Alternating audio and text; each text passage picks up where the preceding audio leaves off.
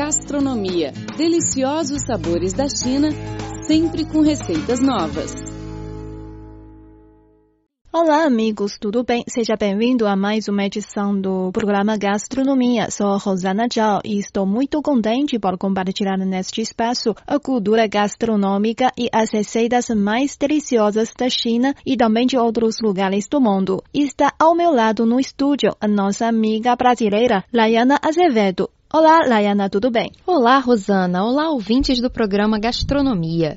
É muito bom estar aqui com vocês até porque esse é um programa onde podemos aprender muito sobre o patrimônio imaterial gastronômico de diversos países do mundo de uma maneira muito gostosa.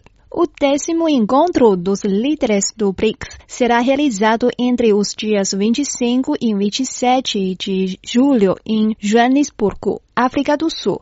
Conhecida como a nação arco-íris, a África do Sul é um país com cultura diversificada, contando com 11 línguas oficiais e uma riqueza histórica inestimável. Sua diversidade se reflete em sua culinária saborosa, que recebeu influências dos colonizadores, pois o país fazia parte da rota marítima que ligava o Oriente e o Ocidente. As culturas indígenas, mais especificamente das tribos Khoisan, Xhosa e Soto deixaram sua participação na culinária da África do Sul. Desde a Idade Média, os sul-africanos tiveram contatos com o cardápio dos países árabes, quando escravos aprenderam a prepará-lo e, ao retornar ao país, divulgaram suas receitas para outras pessoas, tornando-as comuns. Nas comidas sul-africanas também são preservados alguns costumes da cultura inglesa, que foram aprendidos por escravos que trabalharam para as famílias inglesas no período da colonização do país. Além disso, a gastronomia sul-africana também foi influenciada pelas culinárias holandesa, malaia, alemã, francesa, italiana e indiana. Os primeiros colonizadores holandeses trouxeram consigo receitas e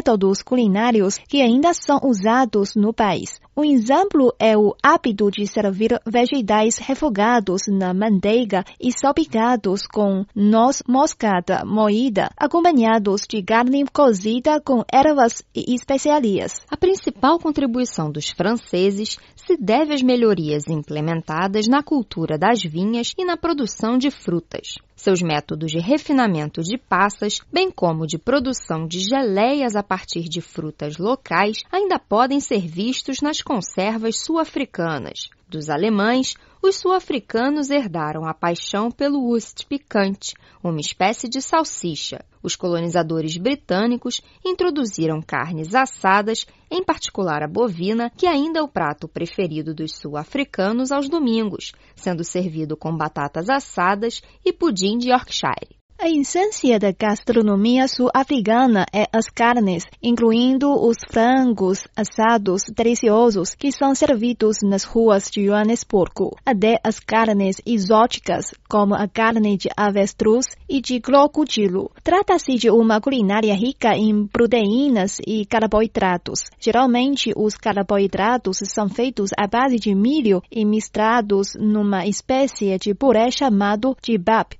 As batatas são também muito usadas, uma herança deixada por holandeses, ingleses e alemães. Um dos passatempos mais tradicionais dos sul-africanos é o churrasco, por lá chamado pelo seu nome africano, braai. Uma das experiências mais ricas é a de fazer um safari à noite em volta do fogo, jantar ao lado do ranger, o guia do safari e de outros hóspedes do lodge. É um jantar de confraternização e, ao mesmo tempo, um ritual de troca de conhecimento e de histórias. O churrasco e o vinho compõem o ambiente e a experiência é chamada de boma. Os vinhos são outra mania nacional. Herada dos franceses, a cultura vinícola passou para a África do Sul durante o período da colonização. Há cerca de 600 vinícolas nos arredores da cidade do Cabo. Fazer uma degustação com vinhos aromáticos climatizados em alguns dos restaurantes sofisticados na África do Sul. É uma experiência incrível e inesquecível.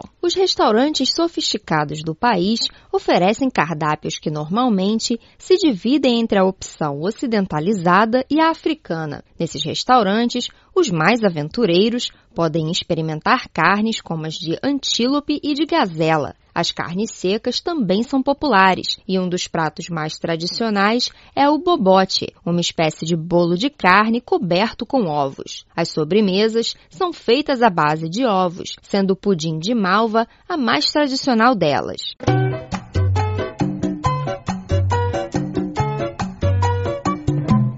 Neste bloco do programa, vamos conhecer alguns pratos típicos da África do Sul. Um dos pratos mais típicos e consumidos neste país é o biodong, uma espécie de carne seca que foi criada para preservar o alimento. A carne é cortada em tiras grossas e depois são aplicados vinagre, sais e temperos como coentro, pimentas e cravos. Originalmente, a carne era seca ao ar livre, no sal, mas hoje também são usados fornos elétricos para acelerar o processo. Boere Wars é uma iguaria sul-africana que se assemelha ao salsichão e o seu nome quer dizer algo como salsicha de fazendeiro. É um embutido feito principalmente de carne de gado e parcialmente de carne de porco ou cordeiro e especiarias. É normalmente servida com pap, um alimento parecido com polenta, ou então grelhada e servida no pão como um cachorro quente. Chakalaka é um molho muito usado na África do Sul para acompanhar os pratos e não tem uma receita definida. Cada região faz de uma forma. Trata-se de um molho apimentado de vegetais e quase sempre tem feijões em sua composição, assim como a cebola, alho, tomates e curry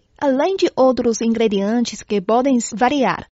É geralmente servido com bap, macarrão, pão, milho, carne ou qualquer outro prato típico da África do Sul. Coexister é um doce parecido com um bolinho. Existem duas versões de dois grupos étnicos diferentes. Os africanos fazem a massa trançada e frita e depois a mergulham em um xarope frio de açúcar. Já a versão dos malaios do Cabo tem formato oval e depois de frita é passada no xarope quente e polvilhada com coco ralado. O pobote tem várias origens étnicas. Foi levado para a África pelos holandeses, que pagaram a receita na Indonésia. Ela foi adorada pelos malaios do Gabo, de origem muçulmana que também fizeram suas adaptações. Agora é um prato mais do que nacional, preparado em muitos restaurantes e lares também. Trata-se de carne de gado ou cordeiro moída com passas, temperos e molho de pimenta e assada sob uma mistura de ovos. É o prato preferido de Nelson Mandela. Traduzido como pequena panela de comida, este prato típico da África do Sul, o potjecos, é um ensopado de carne feito em uma pequena panela de ferro, daí o seu nome. Este é um prato de festa, preparado na rua e pode demorar algumas horas para ficar pronto, enquanto as pessoas socializam. É feito com algum tipo de carne, vegetais, temperos e algum tipo de bebida alcoólica, como cerveja, xerez ou vinho.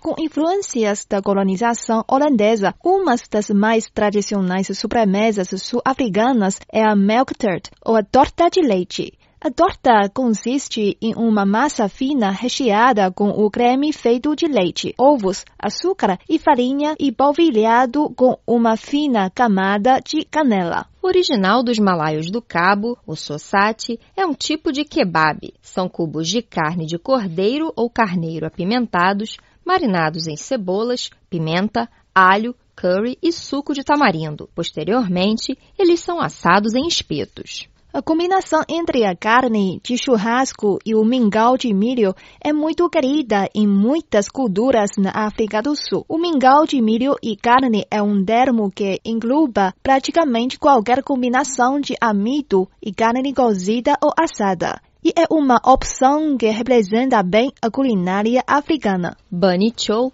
é uma das comidas de rua mais populares em toda a África do Sul. Os pães cozidos, recheados com curry picante, foram originalmente criados pela comunidade indiana imigrante que chegou ao país em Durban no século XIX para trabalhar nos campos de cana-de-açúcar. É a essência multicultural sul-africana resumida em uma espécie de sanduíche exótico. Experimente frango, porco ou variedades vegetarianas com grãos. O pudim de malva é cozido em tosse, feito com geleia de damasco e servido em um molho de creme quente. Uma importação holandesa à moda sul-africana, servida em muitos restaurantes e principalmente cozido em casa para o almoço de um fim de semana. As famosas são mini pastéis de origem indiana, de massa fina, recheados com carne ou vegetais ou molho condimentado, como curry fritos geralmente em azeite de oliva e sempre na forma triangular. Chisanyama é o termo que descreve um churrasco africano onde as pessoas preparam juntas a carne. Os restaurantes Chisanyama ficam sempre ao lado de lojas de carne, para os clientes possam escolher as carnes que desejam saborear. O Chisanyama começou em Joanesburgo, com açougueiros que criaram churrascos em frente às suas lojas nos fins de semana. Hoje, as comunidades locais se reúnem para compartilhar um churrasco e você pode experimentar a atmosfera e escolher sua preferência: frango, porco, cordeiro e salsichas. Além dos pratos deliciosos, o chá rooibos também é muito famoso pelo mundo. Cada vez mais pessoas preferem esta bebida em vez do chá verde, pelo seu custo, a sua elevada quantidade de minerais e as suas propriedades digestivas. O chá rooibos oferece uma série de benefícios para o corpo, mas sem os efeitos colaterais de outras bebidas estimulantes, como o café ou o chá tradicional. O rooibos, arbusto usado para fazer o chá, é uma planta que foi muito usada durante séculos pelas tribos da África do Sul para preparar a bebida quente que trazia muitos benefícios à saúde. Alguns estudos indicam que o chá de rooibos possui propriedades que protegem o coração, ajudam a controlar os níveis de açúcar e colesterol ruim no sangue, além de combater e prevenir a infertilidade e outros males que estão relacionados à ansiedade possui ação desintoxicante e, por isso, é muito usado por quem quer perder peso. Ajuda no tratamento da irritabilidade, insônia, dores de cabeça, cólicas e dores de estômago rica em ferro, potássio, cálcio, magnésio e zinco, além de seu efeito antioxidante. A planta é usada como uma bebida isodônica por atletas, pois ajuda a repor os sais minerais eliminados